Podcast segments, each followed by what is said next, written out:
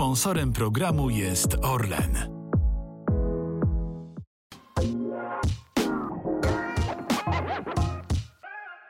Cześć, dzień dobry. Podcast olimpijski w 2024 roku rozpoczynamy z przytupem, bo moje gościni dla jednych jest wzorem i inspiracją, a dla innych egoistką. Wicemistrzyni świata, wicemistrzyni Europy w lekkoatletycznych wielobojach Adrianna Sułek-Schubert, która od jakiegoś czasu, a konkretnie od ponad 8 miesięcy nie jest sama, tylko na co dzień towarzyszy Ci mały człowieczek. Cześć. Cześć, dzień dobry. Bardzo mi miło, dziękuję za zaproszenie. Ja bardzo dziękuję, że przyjęłaś to zaproszenie. E, Adana, muszę na sam początek zapytać. Jesteś w dziewiątym miesiącu ciąży, więc jak się czujesz i jak się czuje ten mały człowieczek w Twoim brzuchu? Ten mały człowieczek się czuje znacznie lepiej niż ja, bo to ja odczuwam te dolegliwości, kiedy on mi sprzedaje kopniaki mniej więcej około 20 godzin na dobę. Mam tylko święty spokój, jak jestem na treningu przez te cztery. Wtedy on się chyba czuje najlepiej, jak ryba w wodzie w swoim środowisku. Ale we dwoje czujemy się wspaniale. Ja już wyczekuję jego przyjścia na świat. Niemniej jednak nie chciałabym, żeby to nastąpiło już. Jeszcze trochę poczekam, poczekam niech będzie sobie faktycznie w swoim środowisku jak najdłużej i niech się rozwija prawidłowo teorii jeszcze troszkę czasu tam ma. Tak. Mamy premierę 9 stycznia, no to jeszcze tam kilka tygodni. Tak. tak. E, normalnie podcast olimpijski tym stwierdzeniem e, kończę, ale z Tobą tę rozmowę chciałabym zacząć od tego, żebyś dokończyła zdanie. Tak. Latem 2024 w Paryżu. Latem 2024 w Paryżu e, będę walczyła o medal olimpijski. Takie jest moje zdanie, więc tak powiem. Złoty medal, czy w tym momencie, w tych okolicznościach e, każdy medal będzie dla Ciebie satysfakcjonujący? Tak, w tym momencie trochę się scenariusz zmienił i każdy medal będzie dla mnie satysfakcjonujący. Niemniej jednak moja mentalność nie pozwala mi mówić albo myśleć o tym, że jadę gdzieś po srebrny czy brązowy, e, tylko zawsze celuję w ten medal najcenniejszego kruszcu. I mówi to kobieta, która jest y, w dziewiątym miesiącu ciąży, która gdzieś tam pod koniec stycznia powinna urodzić bobaska, a 7 i 8 sierpnia są zawody siedmioboju na Igrzyskach Olimpijskich w Paryżu. Tak, dokładnie tak. A pełna świadomością. Y, budzisz sporo kontrowersji aktualnie, bo cały czas jesteś y, w treningu. Pytanie, w jak mocnym treningu? Jak ty sama go określasz, bo na filmikach, które wrzucasz w mediach społecznościowych, z tym całkiem sporym, pięknym brzuszkiem. No wygląda to dość hardkorowo, tak bym powiedziała. A jak jest w Twoim odczuciu?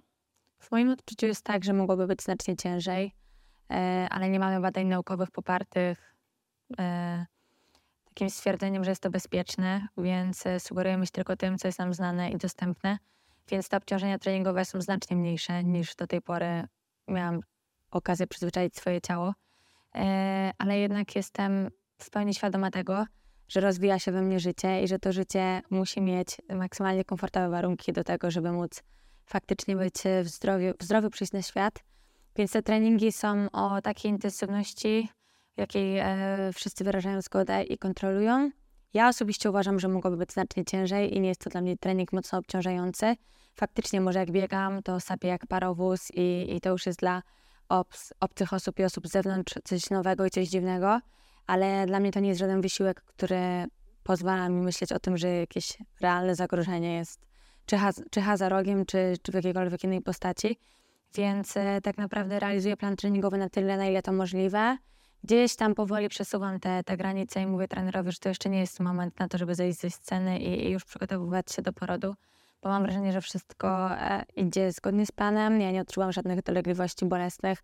E, wyniki mam bardziej wzorcowe niż kobiety w ciąży, które nie uprawiają sportu, więc tak naprawdę mm, uważam, że robimy wszystko zgodnie z zaleceniem lekarzy i zgodnie z naszą taką sportową wolą.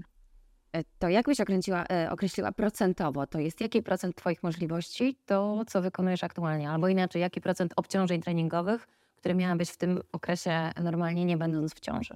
Mm, teoretycznie jest to 60%, tylko że trzeba też zaznaczyć, że dla mnie 60% to tak naprawdę ja to odczuwam jak jakieś 20, bo tylko tak naprawdę dla mnie wysiłek na najwyższym i na tym maksymalnym poziomie jest jakkolwiek odczuwalny, więc dla mnie te 60% to jest takie przysłowiowe pitu-pitu i to może wyglądać na jakąś ciężką jednostkę, ale ja naprawdę znacznie ciężej trenowałam przez kilka lat i przyzwyczaiłam swój organizm do zupełnie innych obciążeń treningowych.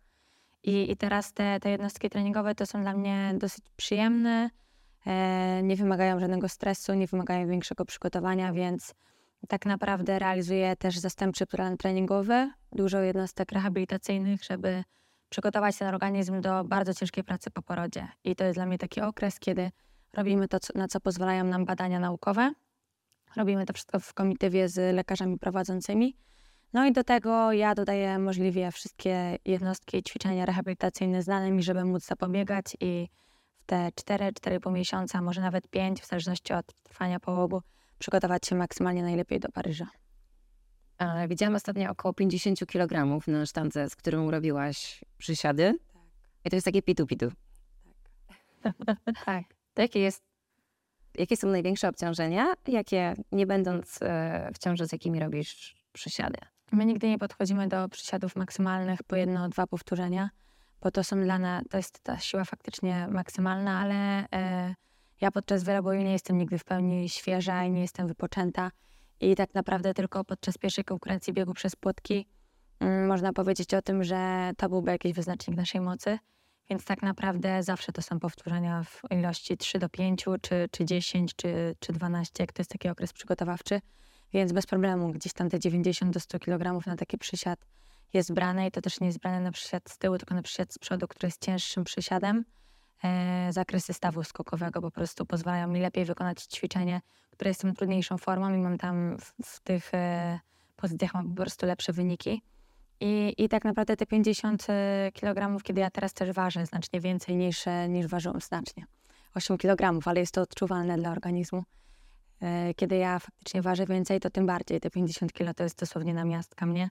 Więc no nie ukrywam, że gdzieś te treningi są tylko po to, żeby podtrzymać tą pamięć mięśniową, żeby gdzieś to ciało się znacznie nie zmieniało. I, i tak naprawdę tylko po to, żeby e, cały czas być w ruchu, bo nie ukrywając, e, przeleżeć 9 miesięcy i potem jeszcze w kolejnym połogu i, i w okresie przygotowawczym zaczynać z takiego, nawet nie, nie powiedziałabym, że wyjściowego zera, byłoby nam znacznie ciężej niż tak jak teraz będę zaczynała z taką jeszcze przyzwoitą dyspozycją, że mam świadomość, że mogłabym trenować znacznie ciężej, że te treningi e, mimo wszystko czasowo i wynikowo aż tak nie odbiegają od tych rekordów życiowych, tylko trzeba będzie znaleźć w sobie takiego harta ducha, żeby móc e, wejść i zbliżyć się do tych rekordów życiowych, albo nawet je poprawić na krótko przed igrzyskami. Ile masz zamiar dać sobie e, wolnego? To takiego całkowitego? Nie mam, nie mam czegoś takiego, że ja sobie coś mogę założyć, bo ja mogę powiedzieć, że założyłabym dwa tygodnie i chciałabym wrócić do treningów, ale to wszystko będzie... Jakby przed porodem. Przed porodem nie planuję mieć wolnego. Mam nadzieję, że po prostu nie będę rodziła w trakcie treningu. Na pewno te jednostki treningowe będą o zmniejszonej intensywności im bliżej rozwiązania, bo po prostu odczuwam już e, pracę dziecka i, i nie chcę go po prostu zgniatać podczas tych wszystkich ćwiczeń i, i gdzieś i skoki, czy przysiady, czy pchnięcie kulą, to wszystko to jest jakiś nacisk już na dolne partie brzucha, a, a to dziecko jest już e, tak osadzone znacznie niżej i po prostu nie chcę potem mieć jakichś wyrzutów sumienia, że, że zrobiłam coś, co mogło zaprzestać jego naturalnego, zdrowego rozwoju. I, i faktycznie wtedy będziemy e, wchodzić w takie ćwiczenia zastępcze i mamy tych ćwiczeń całą masę i bazę i jesteśmy na każdy scenariusz przygotowani. I dopóki zdrowie pozwala i ja nie odczuwam żadnych dolegliwości bolesnych, to chcemy realizować normalnie plan treningowy. I oczywiście nie, nie biegamy przez płotki, chociaż uważam, że popełniliśmy błąd, bo gdzieś moja pani ginekolog prowadząca miała płotkarkę w dziewiątym miesiącu, która jeszcze w dziewiątym miesiącu te płotki biegała, a my zrezygnowaliśmy na krótko przed Budapesztem i były to już formy zastępczych ćwiczeń niż bieganie tej normalnej, standardowej wysokości płotka. Więc będę wiedziała na przyszłość, że, że nie trzeba ze wszystkiego rezygnować, ale wtedy jeszcze, kiedy podejmowaliśmy decyzję, nie potrafiliśmy odnaleźć e, wszystkich badań i mieć takiej pewności, że będzie to bezpieczne, więc woleliśmy zrezygnować i wprowadzić trening zastępczy. Ale faktycznie e, uważam, że nie będzie takiej konieczności. Jeżeli coś mnie zwali z nóg, będę odczuwała jakieś dolegliwości bolesne, to zrezygnuję. Nie mam żadnego takiego parcia, żeby do ostatnich dni ryzykować, że podczas przysiadu zacznie się akcja porodowa i odejdą mi wody, czy cokolwiek e, w tym, w tym kierunku, więc e, na ten moment nie planuję, a może być tak, że za tydzień już będę wyłączona z treningu i to też będzie w porządku. A jak mówisz o tym, że twoja pani prowadząca ginekolog prowadziła płotkarkę, której zezwoliła na e, bieganie płotków w dziewiątym miesiącu ciąży, no to ja muszę zapytać, co to jest za pani ginekolog położnik i czy długo jej szukałaś? To nie ja ją szukałam, to moja pani fizjoterapeutka, pani doktor Julia Szczechowicz szukała mi całego sztabu, który gdzieś tam będzie się wciąż mną opiekował. Jak zresztą ze wszystkim, to zawsze ona jest jakby tą osobą decyzyjną, która dobiera jakby sztab do, do naszego teamu. E, I, jest to, to pani, e, nie wiem, chyba nie wiem, czy powinnam rzucać nazwiskami, więc może po prostu jak dopytam, to, to, to przekażę tobie tę informację, ale jest to bardzo wyrozumiała pani, która y, ma bardzo holistyczne podejście. Dla niej aktywność sportowa jest y, jak najbardziej korzyścią, a nie, a nie wadą i, i, i ona po prostu nie boi się tego i ona po prostu mnie częściej monitoruje. Ona wykonuje mi serię badań, do tego dołożyła nam jeszcze drugiego ginekologa, który będzie faktycznie e, w razie czego e, podejmował jakieś działania. I, I po prostu te wizyty są znacznie częstsze i, jestem monitorowana i gdzieś jesteśmy w takiej komitywie, że pewnie nie jest to normalne, że możemy do siebie zadzwonić, napisać SMS-a i normalnie kobiety nie doświadczają tego z, ze swoimi ginekologami czy innymi lekarzami, ale jakby od razu zaznaczyliśmy, co chcemy osiągnąć. Pani ginekolog wie, że chcemy, aby poród przeszedł jak najbardziej łagodnie, aby jak najszybciej wrócić do sportu i wie, jaki jest cel na Igrzyska Olimpijskie. I, I, tak, i, i po prostu... E, widzę teraz, dopiero teraz będąc w ciąży i widząc, y, jak odbierana jest kobieta w ciąży, która próbuje, nie wiem, otrzymać receptę na jakikolwiek lek albo skierowanie na badania sportowe, z jaką się spotyka barierą i przeszkodą ze strony lekarzy, więc y, dla mnie było to coś oczywistego, że, będzie, że będę uprawiała sport i że dobiorę sobie taki sztab, a widzę, że to wcale faktycznie nie było łatwe i że moja doktor Szczechowicz musiała się namęczyć, żeby znaleźć ginekologa, który się tego wszystkiego podejmie. Wiesz, bo ja jestem w miarę na bieżąco mam półtora roczną córeczkę, no więc też przechodziłam przez te wszystkie ciążowe procedury, tak to określę. I moja pani profesor prowadząca dość szybko powiedziała w ogóle stop, czerwone światło na wszystko. Stąd y, jak obserwowałam ciebie w social mediach, jak miałyśmy około dwóch miesięcy temu możliwość y, porozmawiać, no to moja pierwsza myśl była, kto się na to godzi i kto podpisuje te papiery i kto mimo wszystko bierze na siebie odpowiedzialność. Tak, no to, no to jest to moja pani ginekolog i, i też e, tak naprawdę mm, drugi pan ginekolog, który bada dziecko i są to te badania po każdym trymestrze. E, jest też w pełni świadomy mojej aktywności. Oni wiedzą, jakich obciążeń, jakich czasów, e, jakich czasów dokonuję na treningu.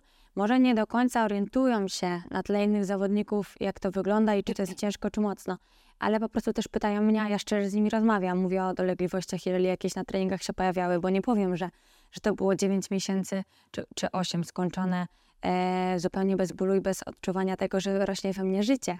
Ale, ale cały czas monitorujemy. Ja też tą skalę bólu jestem w stanie dosyć mocno, e, precyzyjnie określić. E, mam bardzo wysoką świadomość ciała i tak naprawdę powiedziałabym, że w ciąży ona się zwiększyła dwukrotnie.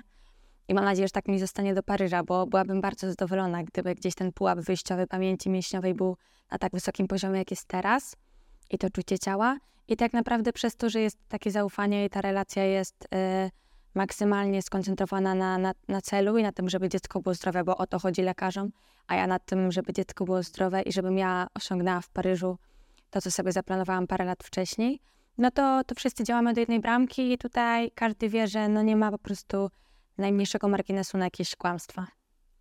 No to zacznijmy od początku, ale nie od początku Twojej kariery sportowej, tylko od tego momentu, kiedy dowiedziałaś się, że jesteś e, w ciąży. I, ale tak szczerze, jaka była Twoja reakcja, kiedy się okazało, że, że w końcu jesteś w ciąży?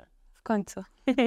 Bo ja za każdym razem, no nie oszukujmy się, e, kobiety uprawiające sport mają rozregulowaną tą gospodarkę hormonalną, więc dla mnie miesiączka Y, opóźniona o kilkanaście dni, czy prawie nawet kilkadziesiąt, bo i były takie miesiące.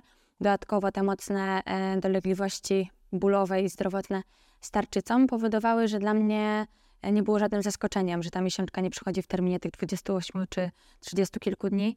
I ja za każdym razem, kiedy ta miesiączka się spóźniała, to mówiłam całemu sztabowi, że będziecie łykami ciociami, albo że Antonina jest już w drodze. Nie miałam nigdy wybranego imienia dla syna, stąd zawsze mówiłam, że to będzie Antonina. E, a będzie? A będzie Leon, bo będzie syn jednak.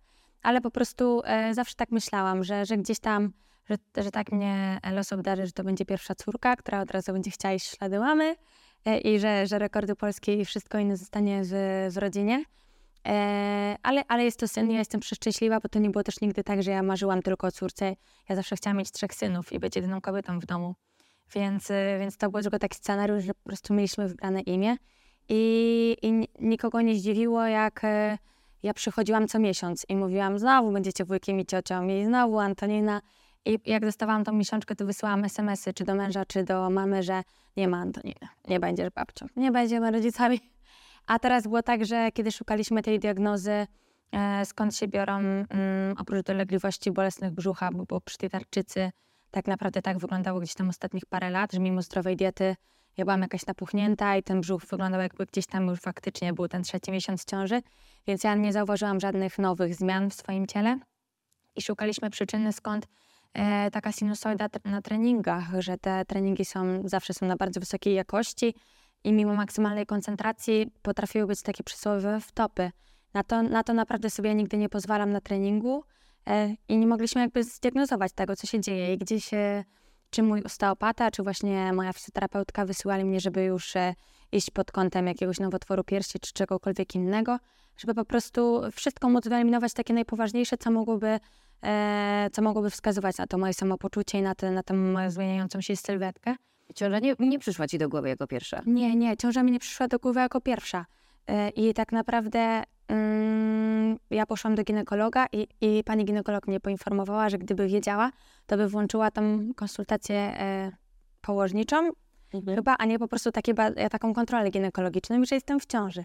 I ja byłam bardzo szczęśliwa i byłam, byłam tylko smutna, że byłam sama, bo jakby to było dla mnie takie rutynowe badanie i, i nie mogłam od razu wyjść e, i podzielić się informacją z mężem, ale, ale faktycznie była ze mną akurat mama i babcia, bo były krótko po e, obozie w Karpaczu mnie w domu, żeby przygotować mi jeszcze lepsze jedzenie i wesprzeć mnie przez dwa tygodnie, bo walczyliśmy cały czas o Budapeszt i myśleliśmy, że może tutaj gdzieś popełniliśmy błąd, bo jednak na obozach nad tym jedzeniem nie mam takiej kontroli jak w domu. Więc miałam rozpiskę od dietetyków i, i próbowaliśmy w ten sposób realizować plan treningowy. Ja od razu wyszłam ze zdjęciem i powiedziałam, że w końcu będzie Antonina i że będziecie babcią i prababcią. I, I tak naprawdę pojechałyśmy do łazienek. Ja tylko szykowałam już prezent jakiś dla męża, żeby go poinformować o tym, że, że mamy dziecko w drodze. I zastanawiałam się tylko, co dalej, bo jednak mimo wszystko to był taki szok, że ja jestem szczęśliwa, ale na mój sukces pracował cały sztab. No i co teraz? Od kogo zacząć? Komu powiedzieć pierwszemu? Jak to zrobić?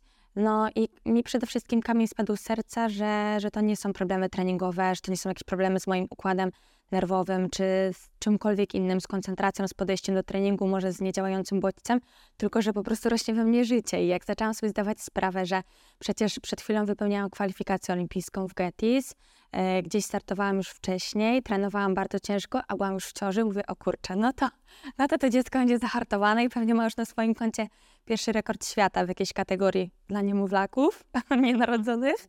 I, i faktycznie e, ja byłam bardzo szczęśliwa, bo ja zawsze marzyłam o tym, żeby być młodą mamą. I, i gdzieś tam, jak rozmawialiśmy z, z rodziną, to zawsze tego chcieliśmy, żeby dożyć jak najdłuższych lat swoich dzieci. I zawsze wiedziałam, że to nie będzie jedno dziecko, bo jestem jedynaczką i uważam, że to jest najgorsze, co może być. Nie móc dzielić się jakby takimi rodzinnymi wspomnieniami z najbliższymi osobami w tej, w tej więzi, w tym drzewie genealogicznym. Tylko faktycznie, jak odejdą nasi najbliżsi dziadkowie, rodzice, to człowiek zostaje sam.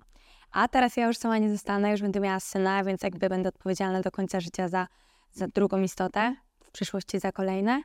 I, I tylko po prostu obawiałam się reakcji właśnie tych najbliższych osób, bo wiedziałam, że trener akurat jest na tyle wyrozumiały i na tyle młodą osobą, że, że podejdzie też do tego w podobny sposób jak ja. Czyli może nie jest to naj, najbardziej fortunny czas dla nas, bo jednak jest jeszcze, jeszcze w styczniu mówiliśmy, że to byłby czas, żebyśmy na spokojnie zdążyli z Paryżem. A jednak... Byś zaszła. Tak, jakbym już wiedziała, że w styczniu, a jednak to już e, dowiedzieliśmy się o ciąży w, na początku czerwca, zaraz po kwalifikacji olimpijskiej w Gettys.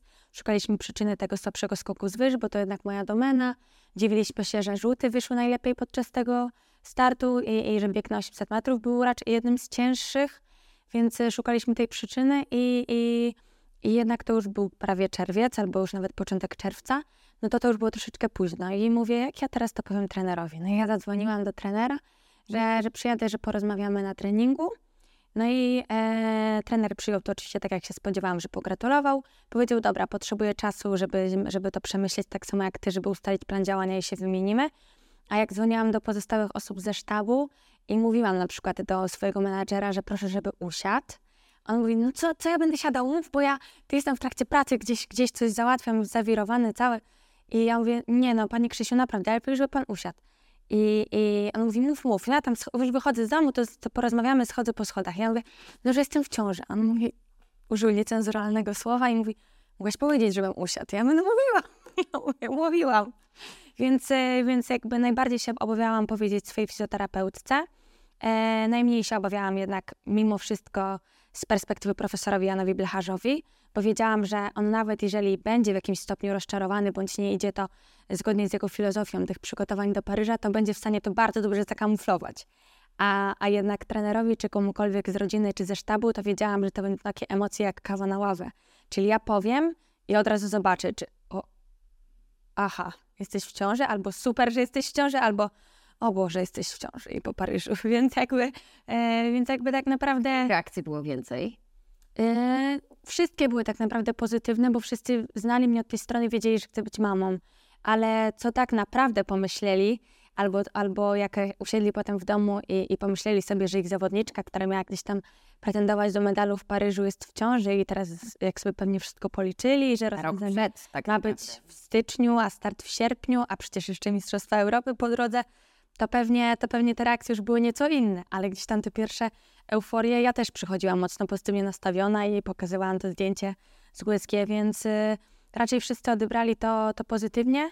U mnie w domu tylko dziadek y, powiedział, a ja kupiłem bilety na Paryż. Ja mówię, no dziadek, no to pojedziesz. A.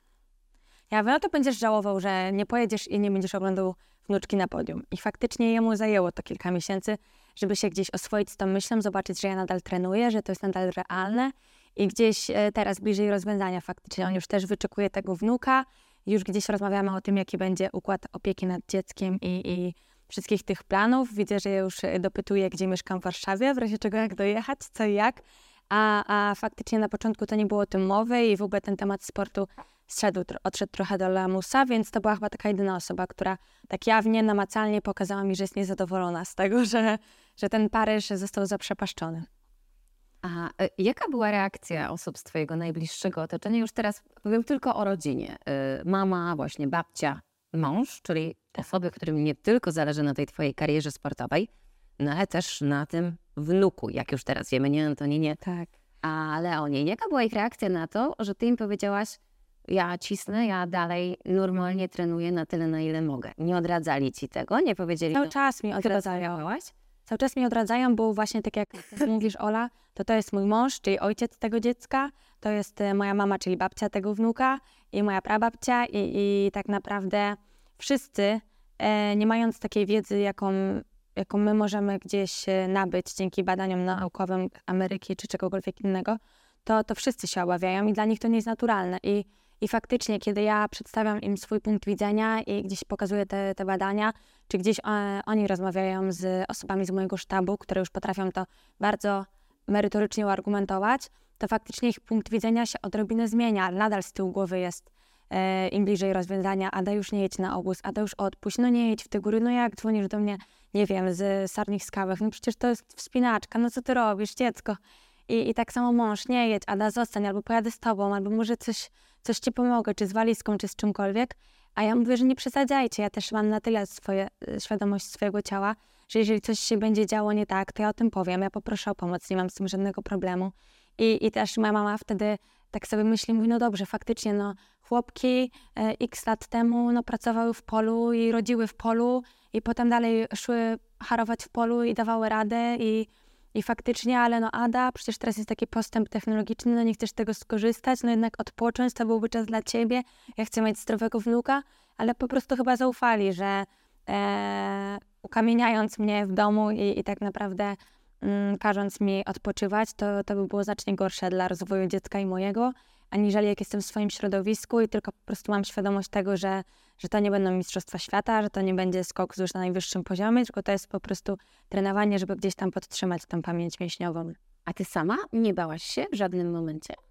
Ja się bałam, bo ja musiałam właśnie zaczerpnąć e, wiedzy specjalistów, żeby podjąć jakąkolwiek decyzję, bo mój plan po tej informacji był, że na pewno się da. Po prostu będę pierwszą w historii, która nie poroniła, nie usunęła świadomie ciąży dla jakiejś korzyści i profitu związanych z wybuchem hormonalnym, tylko urodziła i zdobyła medal w Paryżu. I mówię, po prostu będę pierwsza, będę materiałem na książki, na filmy, ale oczywiście to było pół żartem, serio I, I, ja musiałam faktycznie zaczerpnąć tej wiedzy od specjalistów, zmusić wszystkich do tego, żeby zaangażowali się do, do szukania po prostu tych badań, bo dla wszystkich to była nowość. Nikt wcześniej nie prowadził kobiety w ciąży, a nawet gdyby prowadził, to nie prowadził mnie drugiej takiej, więc to też już zupełnie inny scenariusz. Zawsze powtarzam, że mnie nie można mierzyć miarą taką jak innych sportowców, bo jestem inna i po prostu więcej jestem w stanie znieść, jestem bardziej zdeterminowana, żeby osiągnąć sukces. Więc jeżeli oni by powiedzieli, że ada, badania wskazują na to, że naprawdę nie, albo możesz super odbyć ciążę, urodzić zdrowe dziecko, ale sportowo potem będzie, będzie duże pogorszenie i strata i zaprzestań aktywności, to pewnie bym podjęła takie rozwiązania. Jeżeli oni po prostu chowali troszeczkę obawy, ale mieli udokumentowane, że coś działa, coś nie działa, coś trzeba zminimalizować, ale można tą aktywność dalej podejmować, to nawet na nie najgorszym poziomie sportowym, no to, no to ja byłam już też spokojna o to, że jestem w mądrzejszych rękach od siebie i tak naprawdę no, oni będą decydowali, co jest ze mną. No i jest dziewiąty miesiąc, ja nadal mogę trenować i jadę tylko na obóz, żeby być bliżej szpitala, w którym będę rodzić, więc dlatego nie pojechałam na obóz sylwestrowy i w styczniu też e, odpuszczę te, te konsultacje. Będę stacjonarnie w Warszawie, ale nadal będę mogła realizować plan treningowy tylko na jakieś biegowe pojadę do Spały, żeby móc skorzystać z okrężnej bieżni i, będę się modlić w trakcie trasy, żeby nie zaczęła się akcja paradowa, ale to też jest tylko godzina drogi, więc zdążymy w razie czego. No i jesteś szalona, tutaj co do tego nie ma absolutnie e, żadnych wątpliwości. No i tego twojego szaleństwa, to twoje szaleństwo nie do końca akceptuje Polski Związek Lekkiej Atletyki, który... Oni nigdy nie akceptowali. Nawet jak nie chodziło o kwestię ciąży, więc nie zaskoczyli mnie swoją postawą. To jest tak, że twoje zgrupowania nie są aktualnie e, finansowane, ale masz stypendium, prawda, z ministerstwa, które zostało przedłużone, bo masz status kobiety w ciąży. Tak. Ja z tym nie dyskutuję, bo takie jest prawo kobiet i ja rozumiem, że większość kobiet, jak nie prawie wszystkie, chcą korzystać z tego prawa. Dlatego ja y, po prostu się pogodziłam z tym, że w ten sposób nie robiłam z tego sensacji, że nie jestem pozbawiona szkolenia, czy że teraz nie są... Nie no, trochę o tym powiedziałaś w mediach. Ale powiedziałam o tym dopiero teraz, a ja wcześniej występowałam z prośbą o pomoc i prosiłam, czy mogą jakkolwiek mi pomóc i ja dostawałam obietnicę, że tak, że będziesz jeździła na obozy i mi ci pomożemy. I w przypadku, kiedy ja zgłaszałam terminy tych obozów, dopiero wtedy zaczęły być y, odpowiedzi negatywne i nikt nie chciał się pod tym podpisać. I ja deklarowałam, że mogę e, wystawić jakieś oświadczenie, że nie będzie żadnych roszczeń z, czego, z tego tytułu, że chcę realizować na własną odpowiedzialność e, cykl treningowy. E, ale jak mi było, zaczęto mi wmawiać, że ja nie jestem zdolna do realizacji planu treningowego, to, to tak wtedy zaczęłam się... Tak jest zapisane w ustawie. Tak, wtedy zaczęłam się denerwować, bo mówię, że zapraszam na mój trening i możecie sami ocenić, czy nie jest to i tak cięższy trening od innych lekkoatletów, którzy w szczycie formy realizują jakiś plan treningowy i, i gdzieś z tym się już nie zgadzałam i to już było dla mnie mocno nie fair w stosunku do mojej osoby, bo oni wiedzieli, że ja nigdy nie słynęłam z tych, którzy skaczą z kwiatka na kwiatek i gdzieś ta, ta praca to jest takie lelum po lelum. I, I wtedy zaczęłam się denerwować i mówię, dobrze, nie mam czasu teraz na te nerwy, wolę spożytkować tę energię w inny sposób, znalazłam sobie środki z innych źródeł, na to, żeby móc realizować ten plan treningowy i być cały czas w komitywie z profesorem czy swoją fizjoterapeutką. I tak naprawdę dopiero czekam na sierpień, żeby mogło mi się uleć. Jak zwykle. Aż, aż tak. No tak, bo, bo tak naprawdę ja nigdy nie dawałam przyzwolenia na to, żeby odsuwać się od zawodników, którzy naprawdę harują na to, żeby mieć wynik i nie jest to żadne zapewnienie, nie wiem, że mam bogatych rodziców, którzy opłacają mi obozy, tylko ja się teraz szarpię i proszę tysiąca sponsorów o to, żeby dołożyli parę złotówek do zgrupowań i te pieniądze nie idą na moje konto, tylko są inwestowane w sport i ja zawsze tak przeznaczałam wszystkie stypendia i Nigdy nie wstydziłam się tego, na co spożytkuję y, źródła jakieś finansowe od osób, które powierzyły mi swoje pieniądze i zaufały. Więc ja po prostu czekam na to, żeby móc zacytować to nic jej to nie da z medalem olimpijskim, jak pierwsze osoby, które będą chciały udzielić, żebym udzieliła wywiadu po, po przekroczeniu linii na 800 metrów w Paryżu, to będą osoby z Polskiego Związku, bo to są najbliżej osoby z, z mikrofonami do tego, by udzielać wywiadów, więc wtedy tylko powiem, nic mi to nie dało i odejdę i, i tak naprawdę gdzieś dopiero potem będę bardziej roszczeniowa. Tylko niech to się tak zakończy, bo oczywiście, że może być ten gorszy scenariusz, ale ja też uważam, że ten talent nie wyparuje i że ciąża na pewno w jakimś stopniu zmieni moje ciało, ale będzie taka rozsądna praca do tego, żeby jak najszybciej to odzyskać i żeby potem przekraczać te limity. Ja jestem młoda, więc jeżeli to nie nastąpi w Paryżu, to nastąpi w kolejnych latach. No to jak my nadal wchodzimy na tą wojenną ścieżkę i jak miał być topór zakopany po Eugene, tak był lekko podkopany i teraz znowu jest na wierzchu. No i tak jest wiecznie z nami. Znaczy ja ci powiem tak, jak yy, ty mi to wszystko mówisz, jak ty mi to wszystko opowiadasz, to ja ci w 100% wierzę i jak wiesz, ja bardzo cię chciałam zaprosić do tego podcastu, bo ja mam przekonanie, że ja rozmawiam z medalistką y, olimpijską z Paryża, nie mówiąc już o kolejnych igrzyskach.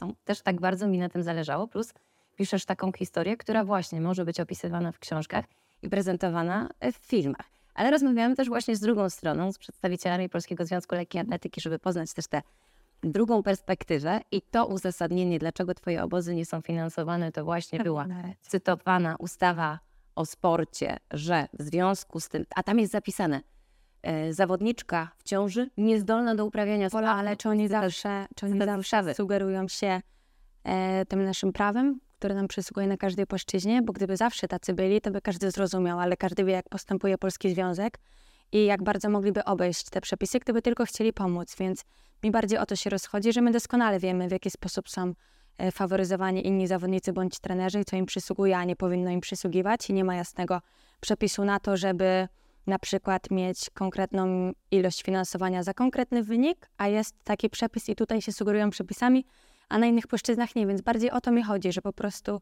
tutaj nie mają nie czynienia. Tak, ale ja ciągle odczuwam. a nie... Tak, a nie, że nie jestem pokorna i że nie dziękuję w każdym wywiadzie, że zawdzięczam Polskiemu Związkowi tego wszystkiego, bo bez tego by, by mnie nie było, więc, więc pewnie po prostu jak się nadarzyła okazja, żeby gdzieś tam e, dać mi odczuć to moją bycie niepokorną, no to, no to dalej. A skąd się ta twoja niepokorność wzięła? Bo to nie jest tak, że ty zostałaś niepokorna 8 miesięcy temu, prawda? Pewnie, że tak. No po prostu ja, tak jak powiedziałam, ja lubię być rozliczana z wyniku i tego samego oczekuję od drugiej strony. Jeżeli ja jestem profesjonalna i nie mam sobie gdzieś nic do zarzucenia, to tego samego oczekuję od drugiej strony, która spija śmietankę i gdzieś tam wykorzystując mój wizerunek próbuję budować jakby tą silną stronę tego polskiego sportu. I, I widzę też na przestrzeni lat, jak to działa, ile talentów mamy zmarnowanych i ile osób rezygnuje ze sportu, bo, bo nie ma z czego się utrzymać, a, a gdzieś jest y, realizacja tego budżetu w takim kierunku, że nikt nie wie, dlaczego tak się dzieje, że przecież chyba lekkoatletyka nie, nie chce obrażać żadnego innego sportu. Wydaje mi się, że jesteśmy najbardziej medalodajnym sportem narodowym. Być może nie, no, oczywiście no, siatkarze, tak na pewno, siatkarze zdobywają. w Tokio, no to, tak. to tam lekka wymiotła. Więc po prostu się dziwię, że, że mamy, że faktycznie liczą na lekkoatletów polscy kibice i polscy działacze i, i, I to nie jest tak, że my wtedy jesteśmy taką wisienką na torcie, tylko my faktycznie się szarpiemy. Ja, ja tego nie lubię po prostu.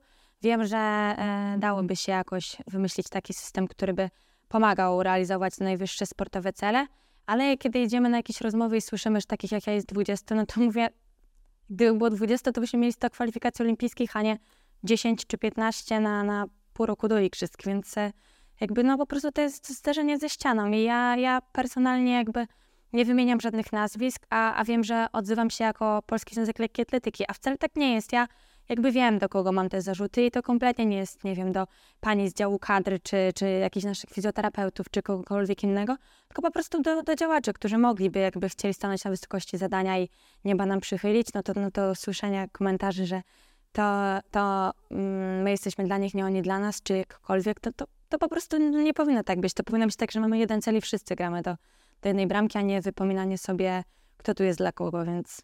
A potrafisz wejść jeszcze w tą drugą perspektywę, jakbyś to ty siedziała na miejscu, powiedzmy, działaczy Polskiego Związku Lekkiej Atletyki i przychodzi do ciebie zawodniczka w ósmym miesiącu ciąży, mówi, jadę tu na zgrupowanie, cisnę do Paryża, to nie bałabyś się, no jednak na pewno w jakiś sposób są odpowiedzialni.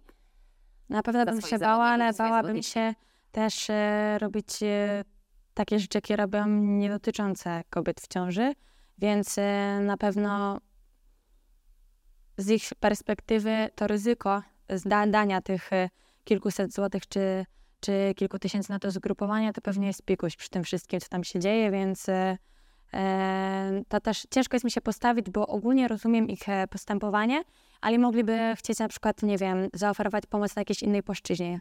Rozumiem na przykład od, odtrącić mnie od szkolenia, to jest w pełni zrozumiałe, bo ja też nie chcę, e, żeby na tym ucierpiały inne kobiety, które będą chciały sobie wypocząć w ciąży i móc potraktować to jako odrobinę urlopu, chwili wytchnienia, koncentracji na Pobierać sobie. to stypendium. Dokładnie.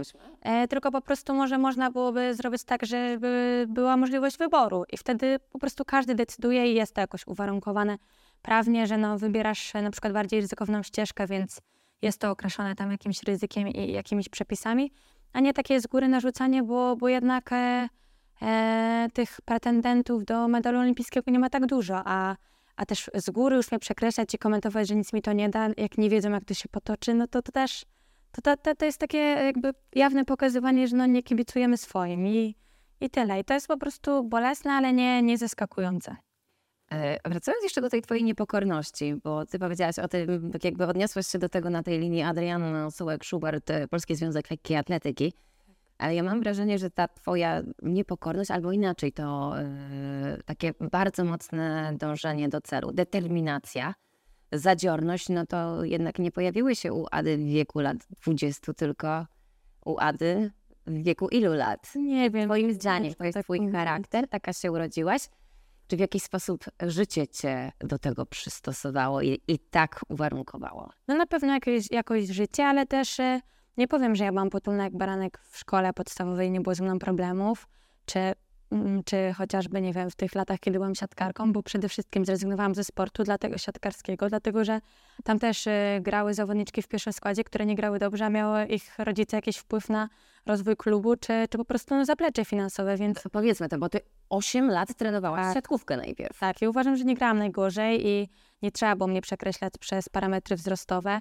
Jak słyszałam jakieś komentarze, że na mojej pozycji środkowej bloku mamy straszyć wzrostem, a nie umiejętnościami, to się z tym nie zgadzałam, bo, e, bo wystarczyło wtedy porównać, nie wiem, parametry skocznościowe i wtedy już nie odstawałam w ogóle od reszty, albo nawet bym powiedziała, że się wyróżniałam na tle innych zawodniczek, więc... Ale na poziomie juniorskim, bo masz wzrostu, Metr 72. no to na środkową aktualnie Tak, to jest malutko, tylko też ta, ta środkowa niech skacze i niech łapie te ponad 3 metry, a nie, że mamy 80 kilka i, i ledwo jej palce wystają za, za siatkę, więc też nie rozumiałam jakby podejścia tych trenerów, bo jakby kazali mi na siłę zmieniać pozycję. Ja nie będę z środkowej bloku, która nie przepada za przyjęciem, lubi obronę, więc faktycznie może zostawała czasem w drugiej linii po zagrywce, czy trochę dłużej, ale, ale jednak atak był moją domeną. Móc po prostu się wyżyć na tej piłce, wyskoczyć do bloku intuicyjnie, a, a gdzieś nagle przestawienie mnie i propozycje gry w kadrze na, na pozycji rozgrywającej, to, to się mija w ogóle dla mnie z celem, więc, więc nie. I ja od razu mówiłam o tym, że nie podobało mi się, jak e, tytuł MVP turnieju dostawała zawodniczka, która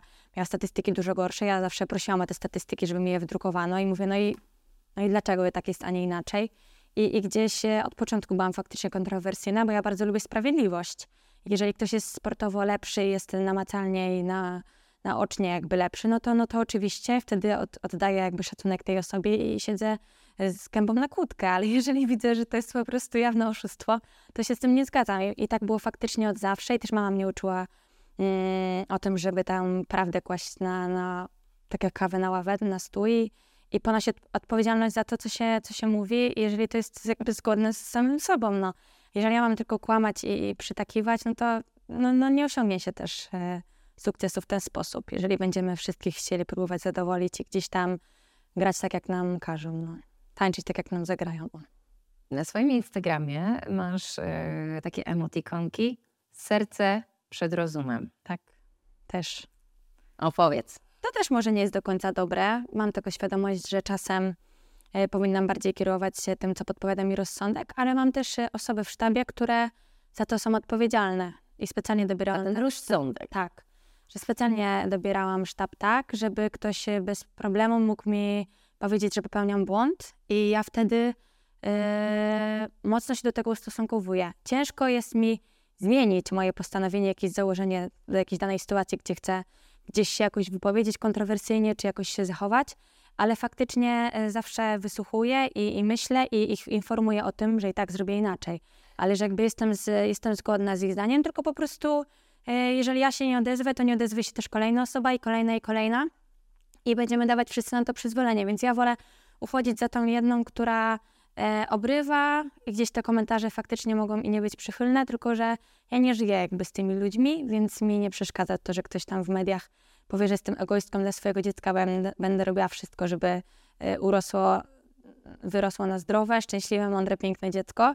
I, I faktycznie jakbym się miała przejmować tym, że ktoś nie pozwala mi trenować w ciąży, albo że na treningach siła jest zaprzecza szybkości, czy że y, wytrzymałość zabija szybkość, no to na pewno bym nie osiągnęła tego, co osiągnęłam, więc nie ma sensu po prostu dostosowywać się do, do tak skrajnych opinii ludzi, którzy nie mają pojęcia o tym, o czym mówią. Ale ty lubisz dodatkowo rzucić e, kij w mrowisko, chociażby w twoich właśnie social mediach, pokazać taki mocny trening z pięknie wyeksponowanym e, brzuszkiem i napisać, no to teraz będzie ogień. Tak, tak, tak. I zawsze, tak, zawsze taka byłam i na pewno wiem, że mogłabym zyskać więcej, gdybym była bardziej pokorna i, i gdzieś tam tłamsiła w sobie te emocje, yy, ale to jest chyba bardzo ciężko wypracować. My parę lat z profesorem poświęciliśmy na to, żeby w sporcie być skoncentrowanym, bo to też przychodziło mi trudno. A skoro profesor nie uważa, że tą cechę też warto byłoby lekko stłamsić, gdzieś przygasić, bo, bo jest ona przeszkadzającą cechą, no to chyba wszystko gra. I po prostu też faktycznie są sytuacje, kiedy on mi y, powie przed jakimś wywiadem, że to nie jest czas na to, żebyś rzuciła coś kontrowersyjnego, bądź żebyś wróciła na przykład do tematu z Eugene po Monachium, tylko ten rozdział był już zamknięty, przedstawiłaś raz swoje stanowisko, wszyscy znając cię wiedzą, że ono się nie zmieniło i nie musisz tego dalej rozgrzebywać. Więc właśnie e, takie głosy rozsądku, e, z którymi ja zdaniem się bardzo e, zgadzam, szanuję, to to są takie osoby, które mają jakby wpływ na to, jaka jestem i one mnie gdzieś tam ukształtowują, ale natury i genu się nie wydubię. Profesor e, Jan Blecharz to jest e, twój psycholog. To jest psycholog, który współpracował między innymi z Adamem Małyszem. No stąd pewnie nazwisko, które być może, które gdzieś tam troszeczkę dzwoniło. No to teraz e, wyjaśniamy. Czy to jest twój największy autorytet w twoim sztabie? Nie. W ogóle wśród ludzi, z którymi jesteś blisko? Jest na pewno jednym z największych wśród ludzi, z którymi jestem blisko, a w sztabie ja chyba nie mam czegoś takiego, że kogoś faworyzuję, bo każdy odpowiada za zupełnie inną i skrajną płaszczyznę, która może, e, którego jakby praca e, wpłynie na ten wynik końcowy, więc nawet nie mogłabym chyba tak powiedzieć, że kogoś, e, kogoś bardziej uważam za jakiś większy autorytet, bo, bo profesor uważam, że jest po prostu mistrzem w swojej dziedzinie. Moja fizjoterapeutka jest mistrzynią w swojej dziedzinie, mój trener w swojej dziedzinie i tak naprawdę ciągle powtarzam, że ja jestem tym najsłabszym ogniwem, a mając ich, to jeszcze jakoś, jakoś funkcjonuje i trzeba tylko jeszcze mnie poprawić, żebym ja była mistrzynią w swojej dziedzinie. I wtedy mamy taki złoty sztab. I, i faktycznie e, ja z każdym, każda rozmowa z nimi to jest rozmowa tak mocno inspirująca. Tam nie ma się chęci wyłączyć, uciec gdzieś myślami gdzie indziej. Tam każda anegdota, każda historia, każde powierzone zadanie to jest coś takiego, e, co zapewnia nam, co daje nam takie poczucie, że my już jesteśmy o krok bliżej tego, tego sukcesu, więc e, ja bardzo lubię e, spędzać czas przy, wspólnie przy posiłkach, kiedy profesor rzuci jakąś anegdotą właśnie z czasów, kiedy współpracował z Adamem Małyszem i po prostu powiedział, że Adam w środku nocy stwierdził, że nie jest ostatecznie dobrze przygotowany na zawody, bo ostatnia jednostka treningowa została zakończona przeciętnie i zadzwonił do nich w środku nocy, że mają włączyć dla niego skocznie, przygotować wszystko z oświetleniem, z, nie wiem jak to funkcjonuje dokładnie, żebym nie skłamała, pewnie z jakimś przygotowaniem nawierzchni do lądowania E, z całą tą skocznią i, i ze wszystkim. I że on musi jeszcze oddać jeden, może trzy skoki, żeby jechać z poczuciem, że, że jedzie wygrać zawody. I faktycznie wtedy cały sztab w środku nocy wstaje.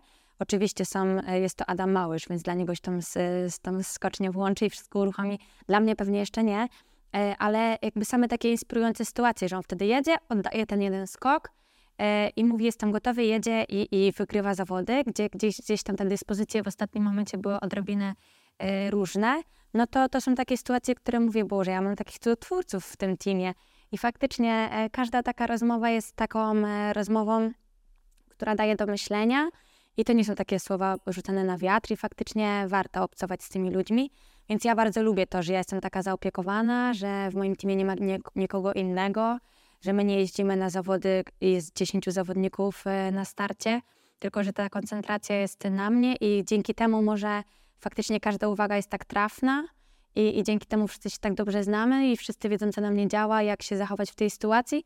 I tak naprawdę profesor jest potrzebny na starcie bardziej mojemu trenerowi na przykład niż mi, mi jest bardziej fizjoterapeutka, bo gdzieś trzeba te emocje e, trenerowi tłamsić. Jeszcze na przykład on jest taki najbardziej e, e, podatny na to, że się obawia i nie potrafi tego zakamuflować. Więc e, tak naprawdę my jesteśmy taką jednością na starcie i, i dla mnie każda jedna osoba jest autorytetem w tym teamie. Tak naprawdę to ty do profesora Blecharza sama się pierwsza odezwałaś, prawda? Nawet chyba nie, bo wydaje mi się, że zarekomendował mnie Adam e, Kszczot. On wtedy współpracował z profesorem Blecharzem i kiedy ja poszłam na rozmowę, to profesor już był po kilku jednostkach treningowych, w którym e, się przyglądał. Już wiedział, z kim ma do czynienia, już potrafił wymienić moje mocne strony, a e, profesor nie jest w ogóle social medialowy, więc na pewno tego w ten sposób nie wygooglował. Tych materiałów też jeszcze wtedy nie było za dużo, bo byłam e, taką osobą, która stawia gdzieś te pierwsze kroki, więc gdzieś już co nieco musiał o mnie usłyszeć, a ja się odezwałam do Adama, e, Adama nie Małysza, przepraszam, tylko Krzyczota, czy, czy mógłby mnie po prostu skontaktować jakoś z profesorem, więc, e, więc e, gdzieś tam już chyba wiedział o mojej osobie, bo nie mylił mojego imienia i potrafił wymienić konkurencję siedmioboju, a to też nie jest takie łatwe, bo bardzo dużo osób gdzieś jak słyszy wielobój albo pięciobój, a ja odezwałam się do niego w okresie przygotowawczym do hali po, po medalu Mistrzostw Świata, to, to faktycznie gdzieś ta, już ta rozmowa była, jakbym nie rozmawiała z obcą osobą, tylko jakbyśmy faktycznie, e, to była taka płynna, przyjemna rozmowa i ja w życiu nie wiedziałam, że ona zaowocuje tym, że profesor zgodzi się mnie wziąć pod swoje skrzydła, bo miał takie nazwiska, że mówię, dobra, takiej gówniary, jeszcze dodatku kontrowersyjnej, bo już pewnie były tam jakieś przecieki, to mówię, to nie weźmie. A, a on od razu powiedział, że, że jestem materiałem na, na sukces, i że po prostu potrzebuje mocnego oszlifowania i utemperowania na kilku płaszczyznach, w których będziemy negocjować w przyszłości. Jakie mam cele, jakie on ma cele i to od razu po jednym spotkaniu już e, tak zazębiło, że wiedziałam, że to jest taka współpraca wieloletnia. I, i teraz tak naprawdę jeszcze, jeszcze jakiś czas temu mówiłam, że e, wszystko się jakby w tym teamie może zmienić, a teraz jestem jakby świadoma, że, że nie, że to są takie osoby, z którymi ja będę kroczyć gdzieś tam tą sportową ścieżką dopóki one nie zrezygnują ze współpracy ze mną. To y, który element był najbardziej do utemperowania zdaniem profesora Blecharza u ciebie? E, takie... E, on to nazywał takim rzucaniem energią, takim szastaniem energią na starcie. Bo ja jak byłam młodsza, to znałam wyniki innych zawodniczek. Znałam ich jakąś bibliografię, wiedziałam, czego się mogę po nich spodziewać. E, a teraz ja nie wymienię rekordów życiowych mistrzyni olimpijskiej i, i tak naprawdę ja nie do końca potrafię powiedzieć na przykład z kim biegłam w serii albo kto wygrał daną konkurencję, jeżeli to nie byłam ja. I, I uczyliśmy się tego, żeby być na starcie skoncentrowaną, jakby to było po prostu solówka na, na stadionie i mnie nie obchodzi to, że tutaj jest rekordzistka świata, tutaj jest na przykład, nie wiem, trzykrotna mistrzyni olimpijska i jestem ja na przykład z najgorszym e, rekordem życiowym legitymującym się w stawce, tylko jestem ja i to, co mam zrobić. Czyli albo płotki, albo poprzeczka, albo kula i rzutnia, czy, czy mój ulubiony oszczep, albo dzwonek, czy e, gwizdek startera, że zaczynamy, więc uczyliśmy się tego, żeby być jak taki koń wyścigowy, który widzi tylko to, co jest przed nim, a tak to ma klapki na oczach. I to było trudne. Nadchodzi najpiękniejszy dzień twojego życia. Kiedy? Najpiękniejszy dzień mojego życia? Nie wiem kiedy. No, teraz bym powiedziała, że ja o tym styczniowym na razie. Tak. Mówię o tym być może w styczniu, tak? Zostajesz mamą. Do Paryża zostaje około 6 miesięcy tak. do twojego startu na igrzyskach w Paryżu. I jaki jest teraz na to plan? plan? Karmisz, nie karmisz, kiedy wracasz do treningu? Na to też jeździsz szukaliśmy... nie jeździsz? Tak, jeżdżę, oczywiście, że jeżdżę. Na to też szukaliśmy badań naukowych, żeby e, jak najdłużej móc skorzystać z e, tego naturalnego bodźca bycia mamą. I uważam, że to jest ogromny as w rękawie. I ja zawsze... Czyli karmienia. Słuchałam wszystkiego, w ogóle bycia mamą, więc e, zaczęliśmy od tego, od czego trzeba zacząć, czyli jak będzie z karmieniem. No to szukaliśmy badań na to, e, jakie są rekomendacje. WHO zaleca dwa lata, uważamy, że bzdura, nie ma takiej potrzeby e, gdzieś przez dwa lata. Do tego czasu pewnie tak bym wytraciła pokarm, wchodząc już, wchodząc już na obciążenia treningowe, jakimi będę mogła się poszczycić gdzieś tam faktycznie, może nawet nie do Paryża, ale po Paryżu. Więc e, szukaliśmy jakichś takich badań, żeby to wszystko było najbardziej zoptymalizowane. Więc przez pierwsze cztery miesiące, wtedy kiedy naturalnie jeszcze będę mogła y, ja i dziecko czerpać korzyści z tej hormonalnej dawki, to, to faktycznie będę karmić piersią. A jak będzie zakwaszenie? To, to wszystko, właśnie, właśnie ciężko jest też nam, bo zacznijmy od tego, że nie, nie wiemy, ile będzie trwał połóg i nie wiemy, jak szybko będziemy mogli rozpocząć e, ten okres wyjazdowy zgrupowań. Planujemy odbyć połóg tak długo, jak będzie to konieczne, z takimi zaleceniami lekarzy, e, jak będą kazali, ale już mamy w plan wstępnie, że to nie jest tak, że ja będę od pierwszego dnia w domu, czyli po tych kilku dniach po porodzie w szpitalu, że będę leżała i będę tylko wypoczywała. Mamy już plan, mamy robić zadania aktywujące mięśnie brzucha i to nie jest tak, że ja mam y, tylko wylegiwać się i ktoś mi poda dziecko, ja je nakarmię i śpimy razem i nie myjemy się i nie dbamy o tą higienę i gdzieś tam faktycznie, tak jak można to zaobserwować, że kobieta jest y, obarczona ogromnym bólem i gdzieś musi dojść do siebie i przy tym wszystkim jest ta więź macierzyńska, więc, y, więc tak naprawdę tylko, tylko koncentrujemy się na dziecku. Ja będę w jego, w jego czasach drzemki y, gdzieś tam koncentrować się na sobie i na tym, że ten sport za parę tygodni naprawdę będzie odgrywał znaczącą dla mnie rolę. E, I, I potem będziemy jeszcze mieli 3-4 tygodnie takiego okresu wprowadzającego mm, w Warszawie, żeby zobaczyć w ogóle z jakiego e, wysokiego C bądź nie wysokiego C zaczynamy. I, I żeby też przez te 4 tygodnie móc zaobserwować, czy robimy szybkie postępy, czy nie robimy żadnych postępów i to będzie dłuższy proces. Bo ja uważam, że w moim przypadku to będzie dosyć e, jasne i klarowne. Będziemy widzieć, czy ta siła, moc nie spadły i rozchodzi się o parametr szybkości i parametr przygotowania mentalnego do jakichś, jakichś biegów, czy okazuje się, że faktycznie organizm zapomniał, co to płotek, co to kula i, i zaczynamy od zera. Więc wtedy będziemy e, negocjować z, Polskim Związkiem i innymi gdzieś tam instytucjami, które nas mogą wesprzeć do tego, żeby jechać na zgrupowanie i zapewnić sobie najlepsze warunki. Na zgrupowania latam sama, bo planuję dwa długie, trzytygodniowe, czterotygodniowe zagraniczne zgrupowania, więc latam sama i, dziecko. i wtedy dziecko jest z mężem i z najbliższymi. I tylko próbujemy jeszcze rozwiązać aspekt tego, że mąż z dzieckiem mog mogliby być na zgrupowaniu. E, my planujemy zgrupowania w najlepszych kurortach na świecie lekkoatletycznych, więc jest to Turcja i są to zgrupowania bardzo, bardzo kosztowne. Więc na pewno nie, nie możemy sobie pozwolić, bo po prostu nie mam takiego zaplecza finansowego na to, żeby to były trzy tygodnie w Turcji w Belek ale żeby też ta więź, żeby to dziecko mnie nie zapomniało, bo nie wiem jak to będzie. I, I, gdzieś tam, żeby to nie była tylko taka relacja na telefon, że ja pomówię do tego telefonu i do dziecka i gdzieś się skontaktuję z mężem, to żeby fizycznie byli, więc e, jakiś czas też planujemy, że na pewno nas odwiedzą. E, i, I tak naprawdę wydaje mi się, że mamy to poukładane, tylko nie możemy zaplanować, ale mamy takie fundamenty, które będą po prostu musiały być elastyczne, jeżeli chodzi o daty tak samo podawaliśmy dyspozycję dat wyjazdów na zgrupowania, bo planujemy zacząć obozy od y, końca kwietnia i, i, i w maju cały czas jeszcze trenować. I jeżeli podejmiemy decyzję o start na Mistrzostwach Europy, to tam po prostu jadę z marszu gdziekolwiek na świecie A, nie będę. Czyli jeszcze jest y, brane pod uwagę to, że w Mistrzostwach tak. Europy nawet wystartujesz. Tak, bo mam tą kwalifikację i ja też nie ukrywam, że e, tam nie trzeba mieć takiej dyspozycji, jaką trzeba będzie zaprezentować w Paryżu a istnieje też szansa, że dziewczyny e, chuchając i dmuchając o swoje zdrowie przed igrzyskami, lepsze zawodniczki nawet może i porezygnują z tego startu, bo tak naprawdę jeżeli ktoś pretenduje do złota olimpijskiego, to nie jest mu potrzebny tytuł mistrzyni Europy. I ja właśnie w takim środowisku się obracam, że te dziewczyny nie chcą się nachapać z każdego możliwego źródła, tylko raczej są rozsądne i świadome tego, co mogą osiągnąć i,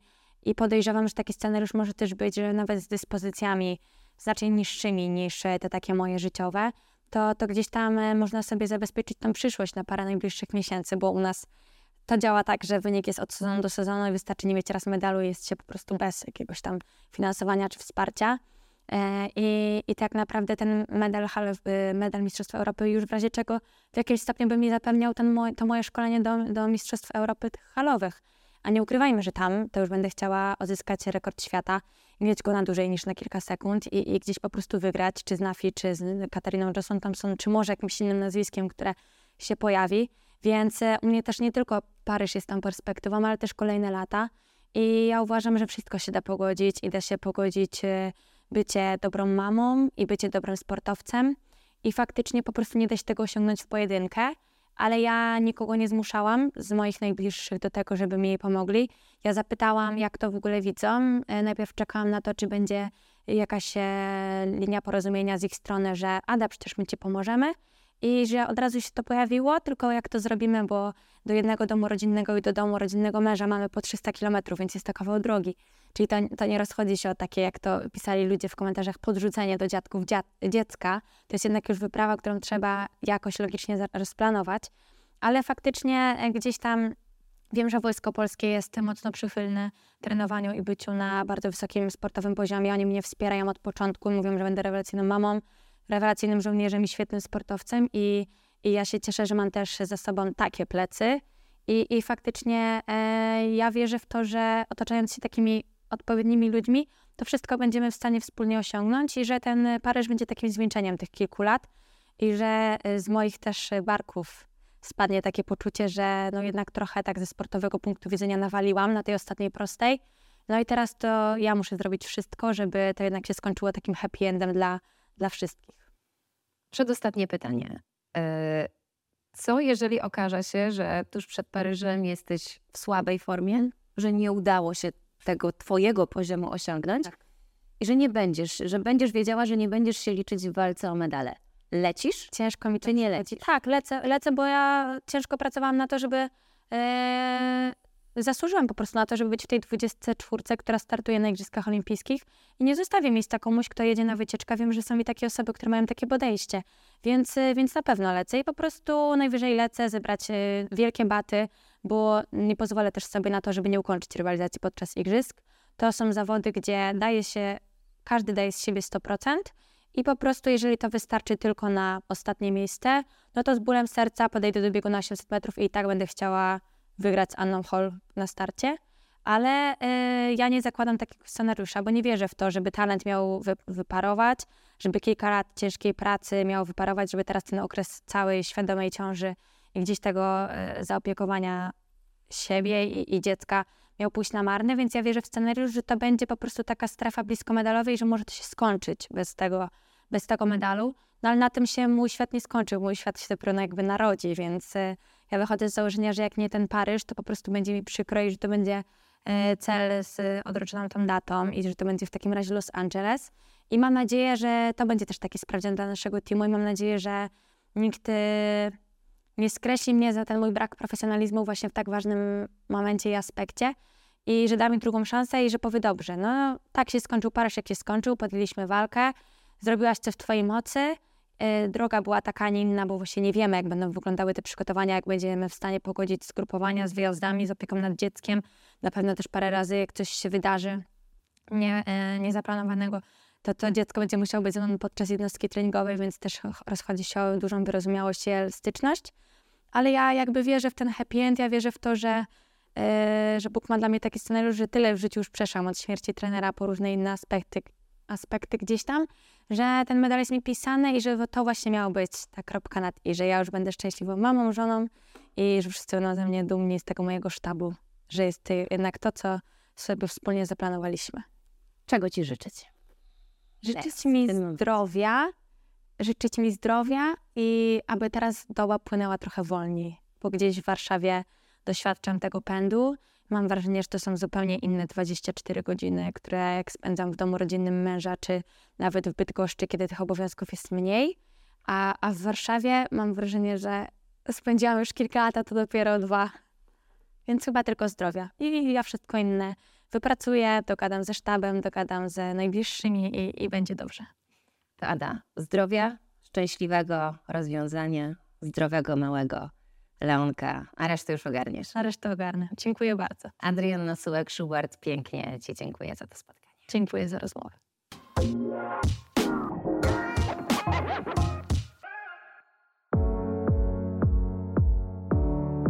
Sponsorem programu był Orlen.